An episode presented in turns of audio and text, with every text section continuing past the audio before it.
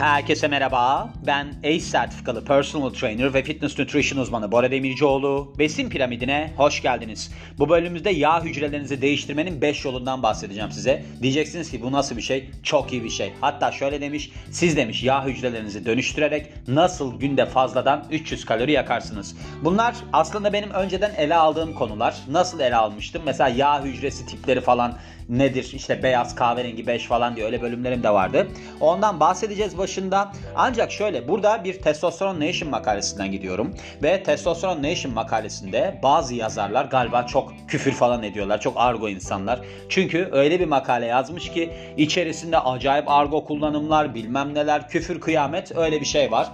Ben de çok tabii ki aslında bu noktada ne derler böyle bir zedelendim, yaralandım. Hani Seren Serengil'in eskiden bir ilişkisi vardı öyle derdi ya adam yani ben vurdum mu zedelerim falan diye. Öyle bana vurdu biraz zedeledi gibi oldu yani. Neden? Çünkü çevirmesi özellikle de İngilizceden direkt olarak çevirmesi çok problemli oluyor böyle argo kullanımları. Ben de 2-3 kere okudum ondan sonra çevirmeye karar verdim. Dedim ki tamam ben bunu çeviririm. Bir de deli gibi uzun. Hani acayip argo kullanım var. Bir de deli gibi uzun bir makale yani. Ben bunu kısaltmaya çalışacağım. Şimdi çoğu insan bunu düşünmüyor diyor ama giriş kısmında yağ aslında vücudunuzdaki başka bir organdır. Yani şöyle tabii ki bunun bir kalp, karaciğer ya da pankreas gibi yeri yok. Ancak böyle spesifik aslına bakarsanız fonksiyonları olan bir organ. Yani diğer organlar gibi davranıyor. Bunların arasında bu fonksiyonların arasında ne var? Mesela kalori depolanması var ve kontrol eden metabolizmayı hormonlar salgılıyor. Mesela en bildiğimiz ne? Leptin. Leptin bu da biliyorsunuz aslında göbek yağından salgılanır daha çok. Burada da bahsetmiş birazdan bahsedeceğim. İnsanlar da diyor ki arkadaş diyor benim diyor apendisim iltihap oluyor yani apendisit diyorlar ya iltihap oluyor onu aldırıyorum ya ben de bu yağ dokumu aldırsam çok güzel olur. Çünkü o zaman yarı çıplak şekilde ben giderim plajlarda falan dolaşırım. Ancak şöyle yani tabii ki bazı yağ tipleri diğerlerine göre daha zararlı da genel olarak önemli biliyorsunuz yağ dokusu. Burada bundan bahsetmeye gerek yok. Hatta demiş bazıları yaratılış olarak yamyamdır ve kendi türünü yer. Öyle bir kullanım var. Yani gerçekten hani başında dedim ya size argo kullanımlar bilmem neler. Ben burada İngilizce'de çıta atladım yani. Hani trash oldu. O, o trash oldu olarak görebiliriz bunu. Bu eşiği geçtiğimi düşünüyorum bu İngilizce kısmında. Bu makaleyle beraber. Ve işte demiş ki iki tane kategorisi vardır vücut yağının. Şimdi insanlarda hem beyaz yağ oluyor hem de kahverengi yağ oluyor. Ve ikisi de enerji depoluyor. Ancak şöyle durum var baktığımızda. Şimdi beyaz hücreler, beyaz yağ hücreleri aslında şöyle düşünebilirsiniz. Tek bir parça yağdan oluşuyor. Böyle kütle gibi oluşuyor. Kahverengi yağ hücreleri ise böyle yağ damlacıklarından oluşuyor birçok ve aynı zamanda da bizim bildiğimiz hani mitokondri var ya ATP üretim merkezleri. Ondan zengin bu kahverengi yağ hücreleri. Şimdi bu kahverengi yağ hücreleri demirden de zengin bu arada. O yağ zaten kahverengi rengini veren o. Ve ne yapıyor? Böylece bir mitokondriden zengin olduğu için sizin bu yağ hani damla damla yağlarınız vardı ya kahverengi yağ hücrelerinde. Onlar enerji üretiminde kullanılıyor. Bir de bununla beraber yan ürün olarak hani enerji üretildiğinde ısı açığa çıkıyor. Burada yine bir şeyden bahsediyor. Espri yapmış bize. Demiş ki hiç demiş bir bebeği omuzlarındaki kaslar belirgin değil diye aşağıladığınız oldu mu? Çok güzel. Ya da boynundaki ya da omuzlarındaki biliyorsunuz böyle bebeklerin boğum boğumdur. Onun sebebi de şudur. Şimdi bizim ısınmak için yaptığımız bir durum var. Nedir? Titremek. Yani çok üşüdüğünüz zaman titriyor. Şimdi bebeklerde böyle bir yeti yok. Yani titreyemiyor. O zaman ne oluyor? Aslında bunu kahverengi yağ hücresiyle sağlıyor. Kahverengi yağ hücresi çok hızlı bir şekilde enerjiye dönüşüyor. O zaman bebek üşümekten kurtuluyor. O yüzden onların öyle omuzları işte boyunları falan kat kattır. Bu arada omuz ve boyun bölgesi kritik yağ hücresi açısından yani kahverengi yağ hücresi açısından. Çünkü oradaki aslında yağlanma genellikle kahverengi yağ hücresi temellidir. Yani mesela siz kilo vermeye başladığınızda da baktığınızda insanları gördüğünüzde adamı mesela göbeği mebeği pek gitmez. Bakarsınız yüzü süzülür. Böyle omuzları daralır. Genelde bir de sporda yapmıyorsa kafası büyür. Öyle diyebiliriz. Koca bir kafalı bir adam olur ya da kadın olur. Oradan anlayabilirsiniz yani. Öyle bir durum var. Yani bebekler aslında bu noktada tam anlamıyla ısı açığa çıkarabilmek için kahverengi yağ hücrelerini kullanıyorlar. Bilim insanları da eskiden diyormuş ki insanlar yaşlandıkça bu kahverengi yağ hücrelerinin tamamını kaybederler. Ancak şimdi diyorlarmış ki tabii ki bilim değişen bir şeydir biliyorsunuz. Diyorlarmış ki yok arkadaş yetişkinlerde de kahverengi yağ hücresi vardır. O yüzden aslında baktığımızda bizim ne kadar yağsız olduğumuzu belirleyen faktörlerden bir tanesi de kahverengi yağ hücrelerine sahip olmak. Hatta bir tane buz adam diye birisi var ya. Şimdi adını unuttum. Hollandalıydı galiba. Böyle bir hatta bu bir tarikat gibi bir şey. Bunlar böyle soğuk sulara giriyorlar bilmem ne yapıyorlar. Bu adam eksi 20 derecede falan yüzüyor. İşte o adamı böyle bir bakmışlardı nedir bunun olayı diye. Kahverengi yağ hücresi çok fazlaydı adamın. Yani çok hızlı şekilde enerji veriyordu. Yoksa ne oluyor? Donarsınız yani ama adam donmuyor. Sürekli de onu anlatıyor. Ben mesela hiç o soğuk insanı değilimdir. Acayip üşürüm ben. Ve dört tip beyaz yağ var. Bunlardan bahsedelim şimdi. Bunlardan bir tanesi deri altı. Deri altı nedir? Deri altı işte sizin sevmediğiniz yağdır yani. Hani böyle plajlarda gezdiğinizde acayip kötü görüntünüz olur ya o eğer ki fazlaysa. Ve genelde de işte bu skin fold kaliper falan yöntemleri var ya işte deri kalınlığını ölçen yağ ölçüm yöntemleri. Orada bu yağ bakılıyor. Kalça ve de işte arka bacaktaki yağlar diyelim. Bu tam anlamıyla baktığımızda işte kadınsı bir yağlanma tipi. Kim Kardashian'a örnek verebiliriz. Ancak şöyle bir durum var. Burada da yine esprisi yapılmış.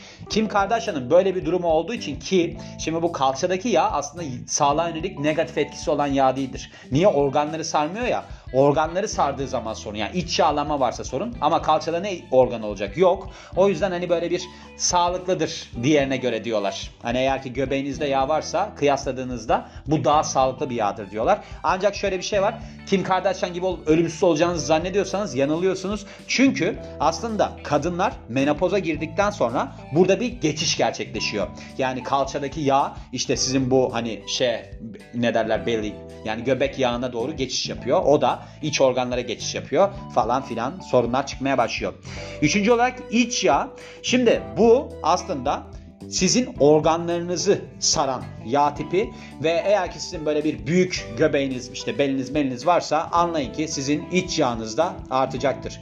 Şimdi gördüğünüz gibi çok fazla insan var yani göbeği olan falan. Bir de onların böyle erkek tipi vardır. Nasıldır? İşte erkek tipinde bacaklar incedir. Bir de özellikle bir yaşı geçtiyse göbeği vardır. Çok tehlikeli bir durumdur bu aslında baktığınızda. Çünkü kalp hastalığı riskini, felç riskini falan artırır.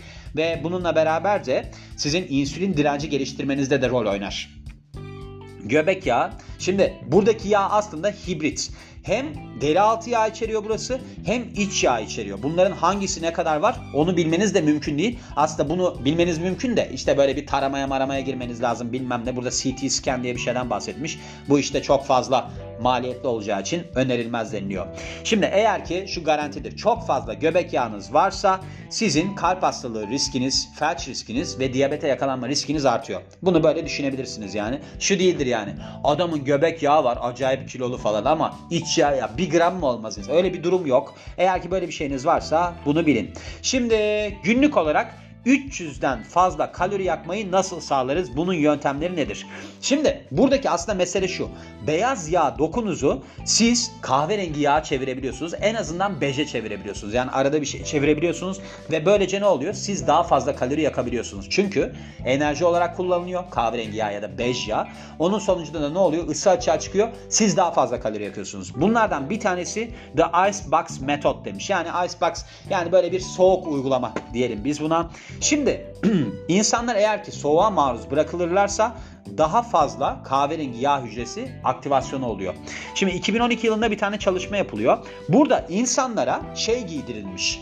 Böyle soğuktan koruyucu kıyafet giydirilmiş ve de 18 derecelik bir sıcaklıkta yani su sıcaklığında 3 saat boyunca oturtulmuş. Burada görmüşler ki 250 kalori fazladan yakmış bu kişiler. Normal bir oda sıcaklığında oturanlara kıyasla. Ancak burada sudan bahsediyor yani. Şimdi ben bunu daha önceki bölümlerde yapmıştım. Mesela 19 derecede eğer ki 3 saat kalırsanız bu işte bu kahverengi yağ dönüşüm hızını artırıyor diyorlardı. Öyle bir şey var diyorlardı. Burada da demiş ki işte 64.4 degrees Fahrenheit olarak geçiyor. Yani derece Fahrenheit olarak geçiyor. Yaklaşık 18.8 18.5 derece falan bu. Böyle bir şeyden bahsediyor. Yani 3 saat suda oturacağız. Bir de işte buradaki aslında aklınızda bulundurmanız gereken kısım şu diyor. Siz bu soğuklukta titremeyeceksiniz. Yani titrediğiniz zaman çünkü fazladan kalori yakıyorsunuz ya. Bu oturan kişiler titrememişler. Sadece oturmuşlar yani. İşte bu sadece insanların mitokondrilerinin daha aktifleştirmesine sebep olmuş. Yani kahverengi hücrelerinin aktifleşmesine sebep olmuş deniliyor. Bununla beraber başka bir şey var, çalışma var. Şimdi şu var. bu hani demin dediğim soğuğa karşı koruyucu kıyafet vardı ya onu giymemiş bu sefer. Adamlar Japon araştırmacılar yapıyor bu çalışmayı. 12 tane erkek ve demişler ki işte biz bunları demişler 17 derecede 6 hafta boyunca 2 saat oturtalım. Bu oda sıcaklığıymış yani suda değil ve bunun sonucunda da 289 kalori fazladan yakmışlar. Böyle bir durumları ortaya çıkmış yani. Gördüğünüz gibi yaklaşık 300 kaloriye e, vesile oluyor. Şimdi yani burada da demiş ki siz demiş tamamen tabii ki kendinizi soğuğa maruz bırakmayın. Hani sadece soğuk havalarda çok da sıkı giyinmeyin deniliyor. Bakın benim böyle bir adım var. Ben geçmişte bir diyet yapmıştım. Yani 17 yaşında falan bayağı da kilo vermiştim. Sadece Cola Zero. Cola Zero da yoktu o zaman. Cola Light. Bir de altın başak yiyordum. Ve ben o zaman İdealtepe'de oturuyordum ki yine oraya taşınacağım. İdealtepe'den Kadıköy'e gidiş geliş yürüyordum. Yani yaklaşık herhalde 24 kilometre falandı. Bir de sonra ben bunu böyle sağdan soldan duyup demiştim ki aa ben kışın tişörtle dolaşayım. Kışın tişörtle dolaştım. Ben zatüre gibi bir şey olmuştum. Hani baya iyi forma girmiştim ama forma girmiştim derken bu arada zaten acayip zayıftım. 59 kiloydum. Bakın şu an 80'im. Aynı boydaydım. 59 kiloydum. Hatta annem beni psikoloğa bir şeye götürmüştü. Adam demişti ki hep böyle zayıf mısındır? Ben demiştim ki yok zaten daha fazla kilo veremiyorum. Adam da şöyle bir cevap verdi bana. Zaten verilecek bir kilon yok şu anda. Yani bütün böyle bir diyet kitabını ezberlemiştim kalori olarak. O zamanlar durum yani böyle bir ne bileyim fat secret falan olmadığı için ben de işte salatalığın kalorisini falan ezberlemiştim. Böyle bir durumlarım vardı. Her zaman hasta ruhlu birisiydim. İkinci olarak yağ yakma yöntemlerine geliyoruz. Fazladan 300 kalori yakma yöntemlerine.